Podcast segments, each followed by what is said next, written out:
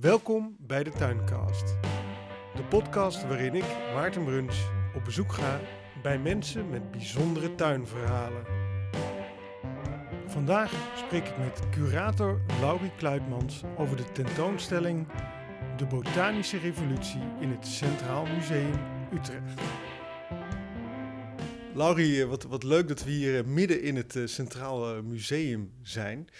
Um, kan je iets over jezelf vertellen en uh, wat, wat je hier doet? Ja, um, ik ben uh, hier als uh, conservator hedendaagse kunst werkzaam bij het Centraal Museum.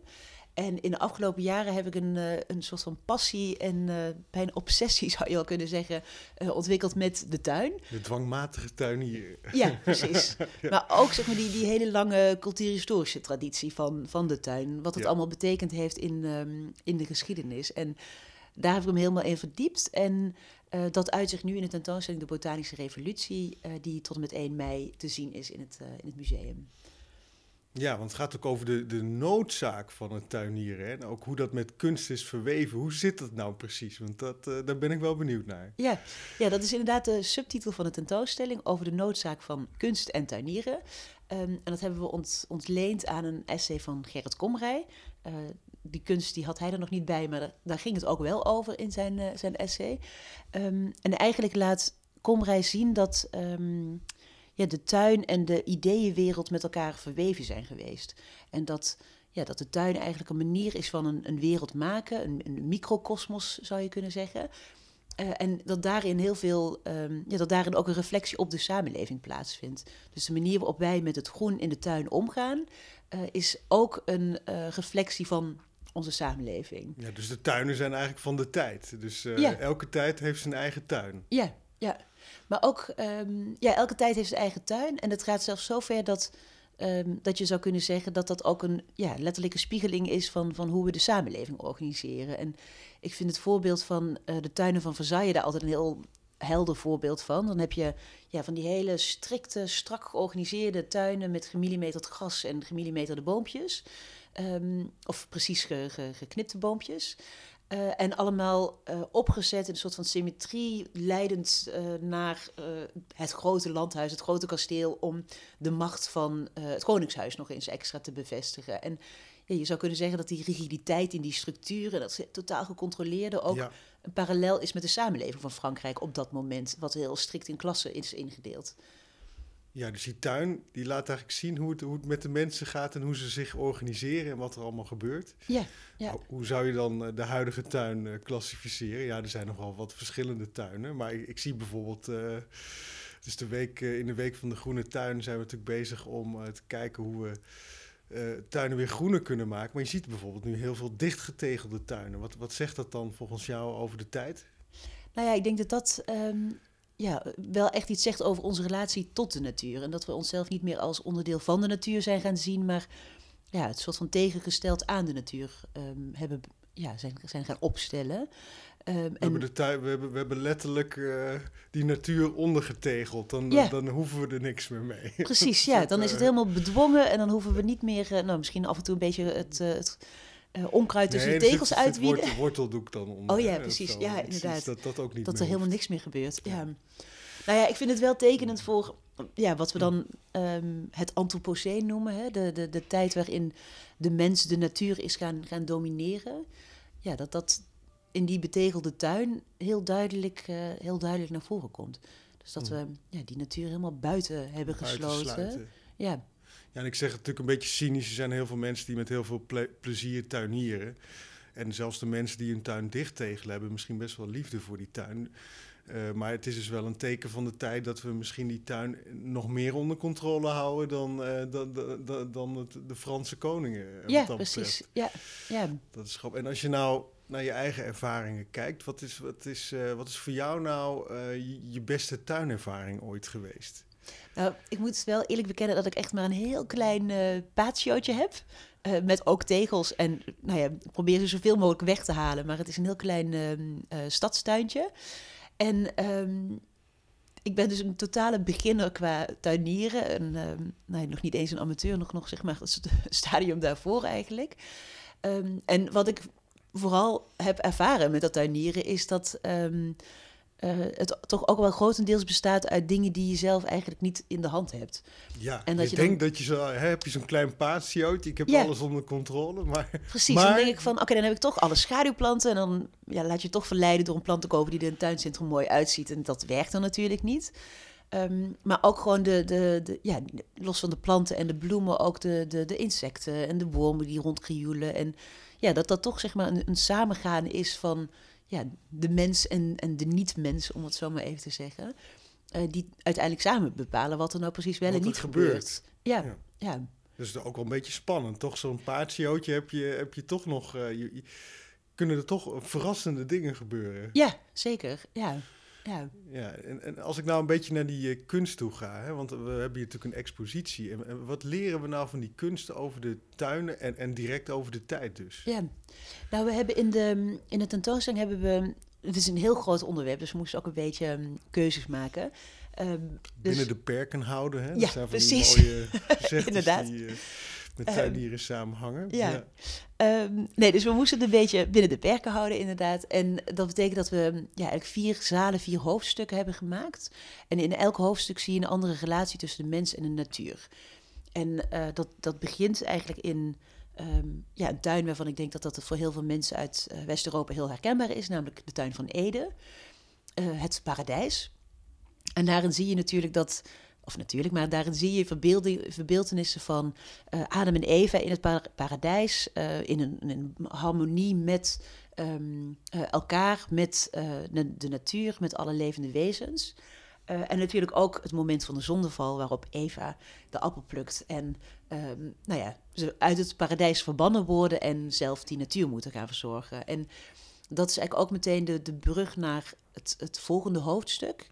Eh, dat is nou meer, gaat meer over de, de wat alledaagse tuin, eh, de volkstuin, de voortuin, eh, de achtertuin.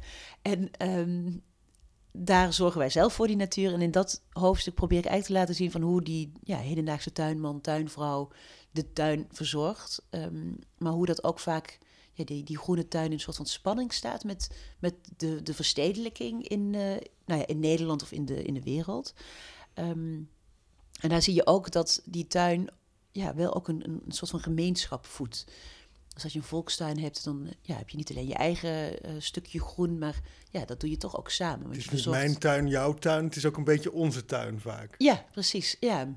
Eh, dus die, die gemeenschap is belangrijk, maar ook, ehm, ja, toch ook wel dat, dat proberen we niet, dat hoofdstuk van die, eh, van die eh, of dat hoofdstuk proberen dat te laten zien, dat, dat tuinieren ook iets anders kan brengen. Dus dat je daar ook uit de tijd komt.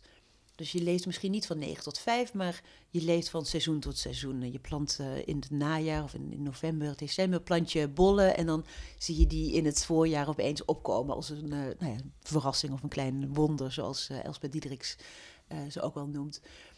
Ehm, dus je, je, ja, het gaat ook over een soort van onthaasting wat plaatsvindt in dat, dat hoofdstuk en wat die kunstenaars eh, en hun werken ons laten zien. Ja, want je, je zegt eigenlijk, die, eh, ja, die tuin die heeft zijn eigen agenda. Dat is niet die agenda die we allemaal hier op onze computer hebben staan tegenwoordig. ja.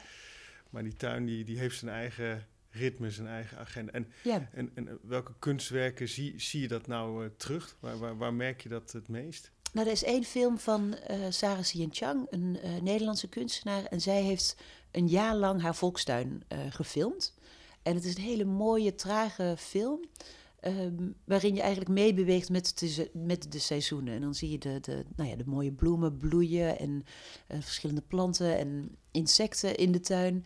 Maar je ziet ook het najaar opkomen en zeg maar, de planten vergaan. En ja, ook het einde van die planten. Dus dat die groei ook niet oneindig is, maar dat daar ook een cyclus aan zit. Dus je komt eigenlijk in een heel andere ja, soort van, van ervaring. En ik denk dat dat contemplatieve, dat, dat nadenken over, dat dat ook heel erg in die tuin zit. Maar dus ook, ja, dat, ook dat, dat, dat zo'n zo'n kunstwerk je kan leren dat groei niet maar alsmaar doorgaat. Ja. Wat, ja, wat denk ik in de samenleving ons wel een soort van wordt opgelegd van het moet alsmaar beter en groter en mooier. En ja, die tuin die laat ons zien van nee, aan het einde van Dan, dan de zomer komt het najaar. komt het en dan, najaar. Nou, ik Ja. zie wel, wat, wat mij wel opvalt, ook in de stad, is ehm, dat ik wel zie dat mensen proberen dat over te slaan. Dat je dus ziet dat, eh, dat bijvoorbeeld heel veel groen blijvende planten worden geplant. Om maar voor te zorgen dat, dat het altijd groen is. Is dat misschien ook een teken van de tijd? Dat we juist niet, niet omarmen die, die, die seizoenen, maar ze misschien proberen te ontkennen eh, bijna? Ja. Ja, grappig. Ik denk ook, ik zie het zelf ook vaak als een teken van, ehm, ehm, van juist willen laten zien van dat je geeft om dat groen. Dus dat je dan om wil om Ja, ja. blijven omringen door het groen. Dus ik, ik, interpreteer hem zelf andersom. Oh, leuk. Ja. ja. Maar ik kan ja, wat je zegt inderdaad, dat is op zich ook wel een soort van ontkennen. eh, en dat je dat altijd bij je wil hebben. En ook dus toch wel Ja, weer mag controle. niet zomaar weggaan. Ja. ja. Ja. ja, precies. Je wil niet zeg maar op lege plantenpotten uitkijken in de winter. Ja, dus inderdaad, de duiding, daar kan je nog hele verschillende kanten mee uit. Misschien Ja. wil je juist altijd omringd zijn door groen en wil je dat Ja. nooit een seconde missen. Of misschien denk je, nou, ik wil niet dat dat afsterft. Het moet gewoon blijven groeien en groter worden. Ja. ja, en er is natuurlijk een hele hoop te doen geweest over, vooral tijdens, eh, tijdens corona en de, de pandemie en alle lockdowns, dat groen ook echt een helende kracht heeft. Dus misschien dat het daar ook wel mee te maken heeft, dat mensen zich daar ook echt op, ja, door, door groen blijvende planten willen blijven omringen. Ja, want het is eigenlijk een soort explosie van tuinieren geweest, de, de, Ja. de, de coronatijd. Dat Ja. mensen zich toch ineens op, op dingen dichtbij eh, focussen. Is, dat, is het ook een kenmerk wat je terugziet in de historie? Dat tuinen zijn natuurlijk de, de, de natuur die je dichtbij hebt. Kan je dat ook terugvinden? Nou, ik heb niet zo, zeg maar, nauw in relatie tot pandemieën mee, eh, zeg maar, na onderzocht. Ehm, maar ik denk wel dat, ehm, ehm, dat die tuin iets is waar mensen naar terug blijven keren, inderdaad. Dus dat dat wel iets van alle tijden is. Ja, het is Ja. misschien ook wel de veilige natuur, zeg Ja. maar. Natuur is, is mooi, maar natuur is ook gevaarlijk. Ja, ja. Ja, dat is grappig als je kijkt naar ehm, zeg maar de, de ommuurde tuin in de middeleeuwen. Dat dat ook echt gezien wordt als ja, de wildernis buiten houden. Ja. En dan binnen die ommuring ga je die wildernis helemaal manipuleren en controleren. ja. En veilig maken, inderdaad. Ja. Ja. Ja, het is misschien ook Ja. wel, wel een wens die, die, die, die, die heel erg diep van binnen komt, misschien. ja.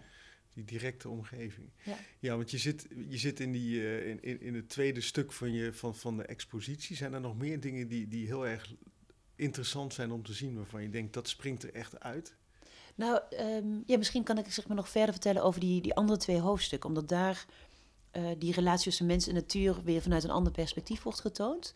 Dus in de derde zaal gaat het eigenlijk een beetje over hoe wij door de wetenschap naar de natuur zijn gaan kijken. Maar ook hoe... ehm, ja, we hebben bijvoorbeeld prachtige bloemstilleefs uit de 17e eeuw. Ehm Zaverij, Roeland Zaverij, die had hier in Utrecht een, een, eigen tuin. En daar groeiden die ehm, ja, prachtige planten, bloemen. vooral uit Zuid-Europa en eh, Klein-Azië, die hier naartoe zijn gehaald. En ik vind het fascinerend dat die, dat beeld van de natuur in die tijd eigenlijk heel, of van de natuur van de, van de tuin, heel erg veranderd is. Dus opeens kwamen er tulpen en rozen en allerlei bloemen hier naartoe.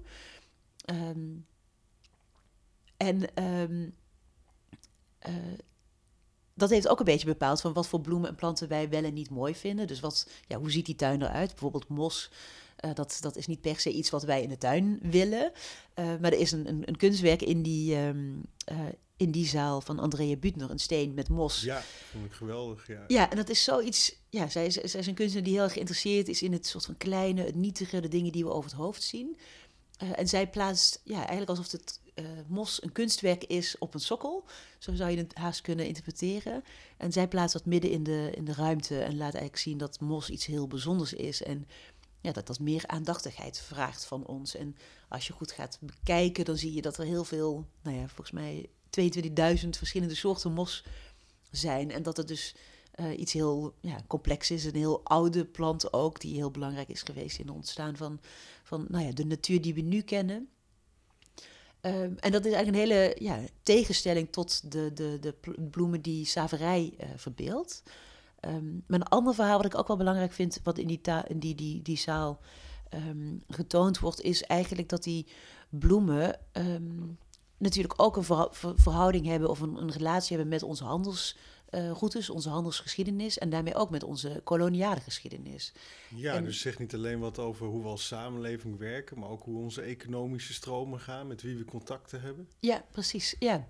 Eh, dus daar, daarvan zou je ook kunnen zeggen dat het een, een, een directe ja, afspiegeling is. Maar het is ook wel weer van, van dat, dat idee van dat je bloemen en planten in die, die tijd, hè, 17e, 18e eeuw, dat je die allemaal gewoon toe-eigent. En dat, ja, dat mensen dat ook deden met andere mensen, het gewoon toe-eigenen. En, Zo, ehm, dat is nu van ons. Precies, ja, dat is dat daar ook een gewelddadige geschiedenis achter schuilt. En ik denk dat dat iets is wat, ja, waar je misschien niet per se van bewust bent als je kijkt naar wat we nu als allemaal inheemse planten beschouwen. Dat die ook allemaal, of allemaal, maar dat daar ook planten bij zitten die via die koloniale handelsroutes naar eh, bijvoorbeeld Nederland zijn gekomen. En dat is voor mij wel echt een onderliggende eh, verhaal wat heel, ja, wat, wat heel veel eh, oproept. Ja, Mhm, want we, zien nu die planten en we denken dat zijn gewoon tulpen of zo. Maar die komen natuurlijk van ver. Zit er ook iets van verwondering of iets willen hebben wat, wat je eigenlijk niet in je eigen land hebt? Of, of zoiets in, denk je? Ja, precies. Ik denk dat het, ehm, dat het met verwondering te maken heeft. Dat dat, of dat, dat het startpunt is. Ehm, en daarna komt er natuurlijk ook een soort van handelsgeest bij kijken... die denkt van, hé, Ja, maar dit willen we willen delen. Bezitten, exploiteren of delen. Het is net hoe je Precies. het wil noemen. Ja, ja, delen Ja. is dan nog de hele zachtaardige Ja. uitdrukking. Ja.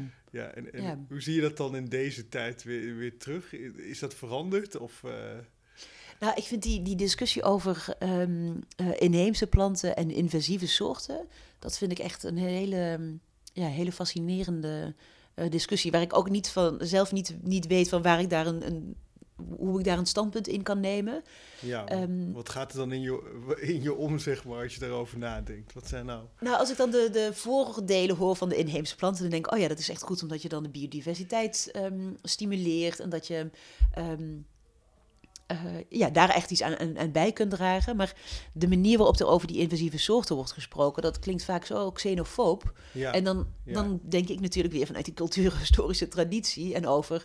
Gewoon, zo praten er ook, eh, wordt er ook over andere mensen gesproken. Precies Ja. op diezelfde manier als over die invasieve soorten. je, zegt, je zegt die, die planten, dat, dat, dat, is bijna, dat, dat, dat lijkt bijna op de discussie die we hebben over eh, wie mag er het land in, zeg maar. Ja, precies. Ja. En dan denk ik toch ook wel weer aan het antropoceen eh, en ehm, nou ja, de mens die die aarde uitbuit en eh, wat daar ook allemaal mee in verband staat. Hè? Dus zeg maar dat die, die invasieve soorten, dat is natuurlijk ook gewoon een, ehm, een resultaat weer van die handelsroutes, van bloemen en planten die hier naartoe komen en eh, nou ja, dan opeens blijken woekerende ehm, planten bijvoorbeeld te zijn. Dus het, het, heeft wel allemaal, ja, het houdt wel allemaal met elkaar verband. Mhm. Ja, want ik, ik zag ook dat je in de expositie natuurlijk dat een heel onderdeel gaat over ja, die planten die maar zomaar per ongeluk ergens terechtkomen. Ja, precies. Ja. Dat is een werk van eh, Hans van Lunteren, eh, wat hij samen met Utrecht Natuurlijk maakte. En eh, ja, eigenlijk een soort van doorlopend project. En het heet Toevallig Groen. En daarin staat de zaailing centraal. Eh, en de zaailing is dus inderdaad de, de, de bloemen, planten, bomen die ehm, zichzelf verspreiden en groeien op plekken waar ze niet eh, gepland zijn door de, door de gemeente. Ehm, en eigenlijk is juist dat toevallige groen, ehm, want Hans van Lunteren is een kunstenaar. dus hij zegt van dat toevallige groen, dat is eh, eigenlijk juist wat de schoonheid aan onze stad toevoegt. Ehm, en tegelijkertijd heel belangrijk is voor ehm, nou ja, vergroening van de stad. Ehm, toch ook tegengaan van, van eh, de opwarming van de stad eh, en het bevorderen van de biodiversiteit. Dus het heeft heel veel verschillende functies. En wat ehm, Hans dus is gaan doen, is eigenlijk een soort van, van, ja, een soort van red de zeiling actie.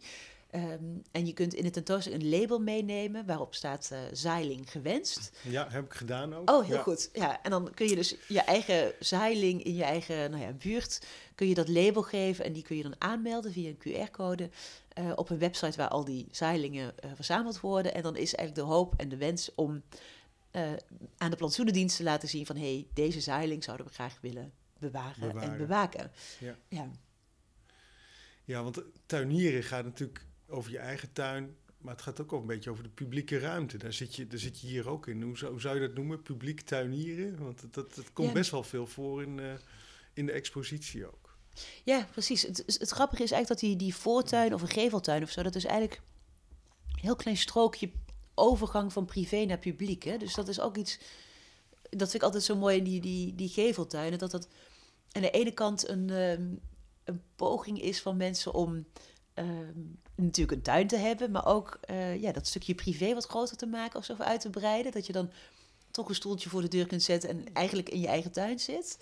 Eh, en tegelijkertijd vind ik het iets heel genereus naar de publieke ruimte toe. Omdat Ja. het juist iets heel, heel moois eh, is om te zien. Ja, en Ja. je ziet natuurlijk ook vaak dat mensen dat tegenwoordig steeds vaker samen doen. Met de Ja. hele straat of zo. Dat het niet zozeer is, eh, ik ga mijn eh, eigen geveltje wat uitbreiden. Ja, precies.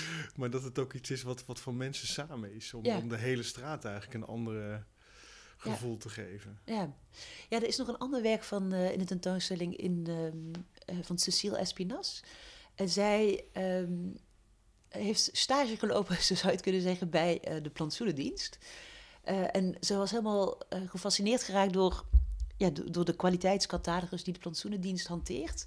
Ja. Eh, en ik had daar zelf nog nooit van gehoord, maar dat betekent dus dat je dan ja, een soort van verschillende onderhoudsplannen kiest en daarbij kunt zeggen van je wil het gras ehm, maandelijks tot zover gemillimeterd Ja, hebben. Drie, of, me- drie centimeter of vier centimeter. precies, echt tot Ja. in, de, in de absurdistische details wordt daarin vastgelegd wat wel en niet kan in een bepaalde buurt. Eh, maar ook welke bloemen en planten wel en niet mogen, eh, mogen groeien. En eh, zij is eigenlijk mee gaan lopen met de plantsoenendienst om te kijken van... oké, nou ja, deze mensen die verzorgen het groen in de stad... ehm, die hebben zelf ook heel veel kennis... maar moeten toch ja, vaak via die, die kwaliteitscatalogus werken. Wat, als je nou gaat kijken per buurt... van wat, ja, wat de buurt graag zou willen. Dus als de buurt misschien een wat wilderige, wildere groene strook wil... of juist... ehm, ja, wat, wat meer bloemen en planten voor de, voor de bijen bijvoorbeeld eh, zou willen groeien, zou je dat samen met de plantsoenendienst mogelijk kunnen maken. Dus het is een soort van, van experiment ehm, wat ze met die eh plantsoenendienst aan is gegaan. Ja. Ja, Wat leuk. Dus dan ga je kunst maken en denk ik, ik ga bij de plantsoenendienst stage Ja. lopen. Zo grappig natuurlijk. Want, nu, ja, de expositie gaat natuurlijk over de, de noodzaak ook van die tuin. Hè? Dus eh, we zijn er erg mee bezig op dit moment, omdat je natuurlijk, we hebben die, die, die klimaatproblemen, heel Ja. veel water, maar ook in de stad waar we, waar we hier precies middenin zitten, hebben we last van hittestress door al die stenen die opwarmen en zo. Ehm, zie je dat ook terug in de kunst, dat er echt een noodzaak is voor die tuin? Of is het, is het toch altijd een beetje decoratie, zal ik maar zeggen? ja. Nou, ik denk dat, ehm, want dat is eigenlijk ook waar de tentoonstelling uit voortkomt, uit de observatie dat meer en meer kunstenaars ehm, het groen, bloemen, planten in hun werk zijn gaan gebruiken. En dat die tuin eigenlijk steeds vaker terugkeerde in het werk van kunstenaars. En dat ze die tuin ook echt zien als een metafoor in de tijd van klimaatcrisis. Eh, en een metafoor van ja, hoe je het beter kunt doen, hoe je het anders kunt doen. Dus dat die, die tuin kan een oplossing bieden. En dat ja, refereert ook rechtstreeks weer aan die noodzaak van tuinieren. Ehm, van als we samen zorg gaan dragen voor die natuur, dan ja, kunnen we het tij misschien nog keren. Dus dat is wel iets wat ik in, bij, ja, bij heel veel kunstenaars eh, terug zie komen. Dat is misschien ook wel tuinieren. Er zit een soort heel direct een soort zorgfactor in. Want tuinieren betekent is een activiteit. Dat betekent dat je iets doet met die natuur om je heen. Dat is niet dat je passief toekijkt. Want ja, als je, als je helemaal niks doet in je tuin en je verwilt hem, kan die misschien mooi worden. Maar dan is het niet meer tuinieren. Dan is het gewoon laten groeien. Wat op zich precies. natuurlijk eh, prima is Ja, voor de natuur. Eh, maakt dat niet zoveel uit. Maar, maar het, eh, activiteit tuinieren betekent dat je zorg draagt voor die omgeving eigenlijk. ja, ja. Ja, en dat je het ja, een, een wereld probeert te maken eigenlijk. Hè? Dat is toch ook, ja. ja, ook al is het nog zo klein als een vierkante meter van een balkon, dan zie je nog dat mensen daar een, ja, een kleine wereld proberen te maken, die ja, een soort van klein paradijsje. Ja. Eh, er is één werk in de tentoonstelling eh, in de laatste zaal ehm, van eh, Saskia No van Imhoff. En zij had een klein stukje grond en dat was ja, helemaal verontreinigd. En ze is eigenlijk dat stukje grond gaan, gaan opschonen, opruimen. En ehm, wat ze, ja, de, de, de, de, het afval zou je kunnen zeggen. Van, ja, je gooit iets weg en van wie is het dan? Hè? Dat was een vraag die haar heel erg bezig hield. Eh, en van dat afval is ze vervolgens nieuwe kunstwerken gaan maken. En dat vond ik ook een hele mooie gedachte. Van, ja, dat afval dat zit ook in die grond en in die aarde. En eh, dat keert terug. Dus ja, dus op verschillende manieren dat die, die gedachte eh, terugkeert. Dat zorgen dragen voor. Ja, en, en vandaar dat je dus misschien ook steeds meer in moderne kunst ook weer terug ziet komen naar tuinieren. Het laat zien Ja. dat, we, dat we misschien iets moeten doen. Ja, precies. Ja, ja dat het echt tijd is. Ja, We zijn aan zet, ja. ja, ja. Ja. Ja, want dat is natuurlijk ook wel de andere kant. Kijk, stel dat je, dat je ik, ik noem maar wat, eh, eh, die tuin dichtgooit met, ik weet niet, kunstgras of misschien tegels of wat dan ook. daarmee sluit je misschien ook wel af voor je eigen omgeving. Voor die, die, die zorg, die, misschien word je er ook wel heel blij van, denk ik. Als je, als je weer wat voor, de, voor, voor dat stukje omgeving gaat zorgen. Is, Zie je dat ook terug in de kunst? Dat, dat mensen daar voldoening uit halen, uit dat werken in die tuin? Of dat, dat, dat, dat liefde geven of zorgen voor, hoe je het wil noemen? Ja. Ja, ik denk dat dat wel een heel belangrijk onderdeel is van de tuin, is, uh, of van de tentoonstelling.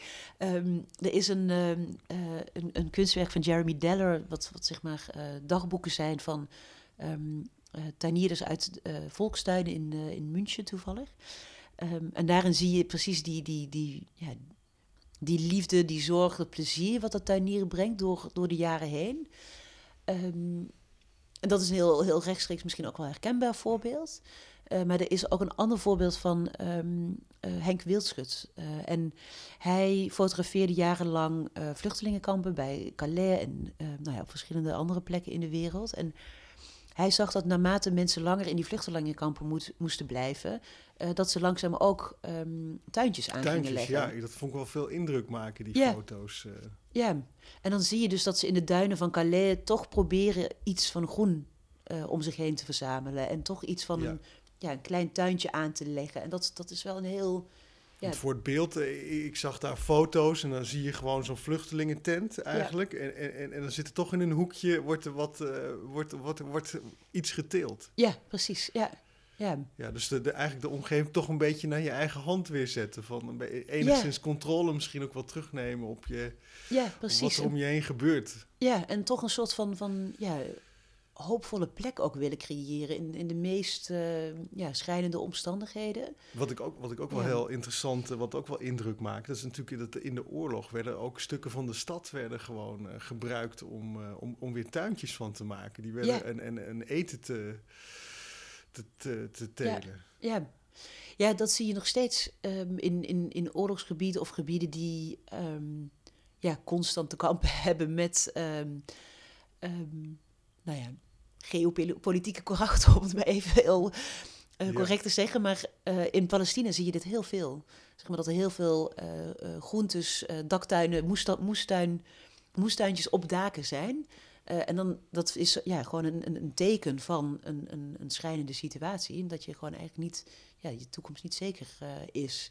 Ja. ja. maar dat zijn dus ook hele andere functies. We begonnen natuurlijk met die, die grote paleistuinen die die status aangeven, die, die de formele lijnen letterlijk uh, weergeven. En aan de andere kant heb je vluchtelingententen waar eigenlijk die tuinen iets heel anders betekenen. Waar, waarin ze betekenen, ik, ik heb nog hoop, ik, heb hier, ga hier, ik ben weer iets aan het verbouwen. Ja, ja. Waanzinnig, ja. Ja. En, we gingen ook naar buiten, hier in de, in, in, in de tuin van het museum. En dat, daar zag ik ook wel een interessante film. En dat, in het mooi Engels werd er geharkt en geschoffeld. Uh, ja. ik. Dus, hoe, hoe zat dat nou? Ja, dus dat is, um, dat is het werk van, um, uh, van Cecile Espinas. Dus dat is met haar, ja, haar samenwerking met de plantsoenendienst. Oh ja, dat is daar, ja. Ja, en daar zie je dus inderdaad dat zij, ja, de, de, zij is zelf Frans. dus ze heeft ze in het Engels geïnterviewd. Uh, en um, ja, ze vraagt hun eigenlijk naar hun, hun kennis en hoe ze naar te werk gaan en hoe ze het uh, ook wel zelf misschien anders zouden willen doen. Uh, ja, en dat, dat komt dan tot uiting in een, in een film in ja, een soort van bouwkeet. Als je zo'n, ja, zo'n, um, hoe noem je dat? Ja, volgens mij is dat het, ja, is dat het woord bouwkeet. Ja, absoluut. ja, ja. waar de plantsoenendienst dan altijd hun lunch heeft of gebruikt. Dus uh, dat, die, die bouwketen die staat in onze tuin. En die is dan beplakt met um, uh, het groen uit de buurt. Met allerlei QR-codes waarin je in kunt zoomen van... Oh ja, dit plantje mag volgens kwaliteitscatalogus tussen zo niet zijn. er niet zijn. En dan wat vind jij? En, dus ja, het gaat, het gaat ook wel eens mis. Hè? Dus, we hebben vanuit IVN uh, eh, Tiny Forest natuurlijk. En is afgelopen jaar per ongeluk één omgemaaid. Omdat hij op de verkeerde plek uh, bij, de, bij de groene aannemer kwam. In de kwaliteitszone yeah. waarschijnlijk. Uh, yeah. Dat ineens leek alsof ze allemaal omgemaaid moesten worden, die boompjes. Dus, maar wat, wat, zij, wat, ik heb niet het hele filmpje gezien. Maar wat zijn de belangrijkste dingen die, die mensen van de plantsoenendienst eigenlijk zelf zeggen over, over dat omgaan met die natuur? Nou, het, het gaat ook een beetje over die, ehm, die absurditeit van dat willen controleren. Dat we- dus, ja. dus dat zit, er, zit heel duidelijk in dat, dat filmpje. Dat zij daar zelf ook van denken van ja, dit is ook gewoon een mooi bloemetje of mooie plant. ja. Ehm, eh, dus waarom zou dat niet, zeg maar, mogen blijven bestaan? En waarom moet dat volgens nou ja, deze regeltjes eh, Weggehaald. worden. weggehaald worden? Ja. Ja, hier in de stad zie je bijvoorbeeld in, eh, in het najaar natuurlijk het valt blad. Dat is eigenlijk de perfecte Oh voeding voor de bodem. Ja. En dat wordt eerst met de bladblazer het perkje inge, Ja. in, in, ingeblazen en vervolgens weer afgevoerd. Eigenlijk de voeding voor de bodem, omdat dat eh, waarschijnlijk in de kwaliteitscontrolemap staat. eh. Ja. Ja, dat is zo... eh, ja. Zijn we daar te rigide in geworden misschien? Zijn wij dat misschien te, allemaal te veel uit gaan besteden in stukjes knippen? En moeten we dat misschien ook met elkaar weer eens naar kijken hoe we omgaan? Ook met die stukken natuur eh, die, die, die misschien niet onze eigen achtertuin zijn, maar misschien wel de overkant van de straat. Ja, ja, ja dat zou, eh, wat, ik, wat mij betreft, inderdaad de manier zijn. Om daar weer een gesprek over te voeren. En ook om, om dat niet te zien als, als rotzooi op straat. Hè. Bladeren worden gezien als ja, onderdeel van het afval. Zo. Van, van ja. dat, dat, dat, Ja, er liggen mondkapjes, eh, plastic flesjes en, eh en bladeren. bladeren, precies. Ja, en dat is heel raar dat we dat op één nou ja, hoop hebben eh, gebracht. Ja. Ehm, dus dat zou wel heel gezond zijn, denk ik inderdaad. Als je daar weer een, een verschil in aan gaat brengen. En dat mensen begrijpen dat, ja, dat die bladeren heel belangrijk zijn voor de cyclus van, van de natuur. Ja, want, want gebruiken kunstenaars ook echt dat, dat de cyclische gedachte van de natuur? Zie je dat ook terug in, in, dat, dat, dat die kunstenaars dat echt, echt te Ehm, pakken nemen? Nou, eh, zeg maar, dus in de tentoonstelling gebeurt in sommige mm, eh, kunstwerken wel inderdaad. Ehm, maar ik denk dat, dat veel werken in de tentoonstelling ook wel echt over die, die historische relaties eh, gaan. Maar dit is wel een thema, denk ik, waar kunstenaars mee bezig zijn. Met, met nadenken over die ecologie en, en ehm, ja, hoe het een tot het ander leidt. En wat vind je nou zelf het, het, het allerleukste, meest inspirerende werk wat je, wat je op de expositie hebt? Voor jou persoonlijk, hè? dus Ja. voor de ander kan het natuurlijk wel anders zijn. Maar wat, waar, waar, waar krijg jij de grote glimlach van? Of gaat jouw brein direct eh, aan?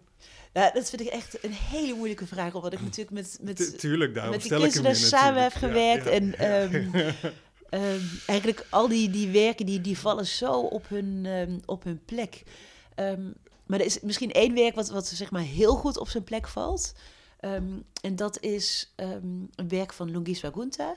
Eh, zij is een eh, kunstenaar uit Zuid-Afrika. En eh, zij heeft in de, de tussenhal, zeg maar tussen de, de, de zalen in. En dan, dan kijk je uit op de, de single en op de binnentuin van het museum. En daar heeft zij een, een gazon neergelegd. Eh gazon, dat klinkt eh, alsof het eh, groen gras betreft, maar het gaat over ehm, ja, een, een, groot werk van, van afgebroken, Coca-Cola flesjes, gevuld met een groene vloeistof, die dan samen een gazon vertegenwoordigen. En eh Lungi Swagunta zegt dat ehm, als je in Zuid-Afrika een gezon hebt, nou, dan is dat eigenlijk een teken van privilege, meestal ook wit privilege. Er zijn maar heel weinig mensen die zich daar een gezon kunnen veroorloven. Ehm, en dan wordt dat, dat privébezit wordt dan vaak ook nog eens afgezet door ehm, eh, afgebroken Coca-Cola-flesjes op, op muren, zodat mensen niet die tuin in kunnen komen. En ik vind het een heel ja, typerend voorbeeld van, van het, het, geweld wat ook verscholen zit in die tuin en wat we misschien niet altijd zien. Dus dat, dat heeft, ja, is voor mij een werk wat echt een heel, hele andere blik biedt op, op de tuin en op het gazon. Ehm, en ook wel ja, een reflectie is, want je, je, je kijkt het, als je naar het werk, werk kijkt, zie, je- zie je de single, zie je de, de stad. Ehm, en zie je aan de andere kant zeg maar, de, de binnentuin van het museum met ons gezon. Ehm, dus het is ook een reflectie op onze eigen positie. Van wie zijn wij eigenlijk als museum in die stad? En wat is ons privilege? En eh, voor wie zijn wij er? En wie kan er binnenkomen? Dus voor mij heeft dat werk heel veel verschillende eh, betekenissen. Ja, zelfs een reflectie op het museum zelf in dit Ja. geval. Ja, Maar dat, dat laat Ja. ook wel de breedte zien, want eh, het ging natuurlijk in het begin ook over eh, ja, de, de, de mooie tuin, hè, de mooie planten die we her en der vandaan halen, maar ook, ook het geweld dat daar misschien mee gepaard ging met die economische stromen, de dingen Ja. die we ons toe-eigenden. Het, gaat het gaat dus kennelijk ook over dat, dat je met een tuin dingen afbakent. Want de tuin, er zit een, een hek omheen. Soms fysiek en soms niet. Maar het is mijn tuin. Ik loop niet zomaar in jouw perkje. ja precies. Dus dat, dat, het is niet alleen maar mooi en, en goed en, uh, en cyclisch en organisch. Het is ook Ja. afbakenen, soms geweld, eh, Ja. invasie, invasieve Precies. soorten. eh, het is eigenlijk alles door elkaar. Er gebeurt zoveel in die tuin. Ja, ja. Ja, en dat is ook wel weer precies die spiegel hè, die die tuin kan zijn van de wereld. Dus dat dat niet alleen maar een idyllisch plekje is. Ehm, maar toch is dat wel, ja, ook denk ik een beetje de, eh, de, de, zo- ja, de toon zou je kunnen zeggen die we in dit tentoonstelling willen, willen uiten. Want het heet natuurlijk de botanische revolutie. Ehm, en daarmee stellen we ons niet voor dat we nou ja, op de barricades ehm, Ja, eh, want dat- staan. dat- die vraag had ik nog wel. Van, van waar die revolutie? Ik zie Che Guevara voor me met een sigaar. En ja, hoezo is die tuin nou die revolutie? Is dat die omwenteling die Ja. ineens gebeurt? Of? Nou ja, ik denk omdat dat, dat is wat we kennen of zo. Hè? Van je moet schreeuwen en je moet eh, jezelf ehm, eh, ja, misschien overschreeuwen om gehoord te worden.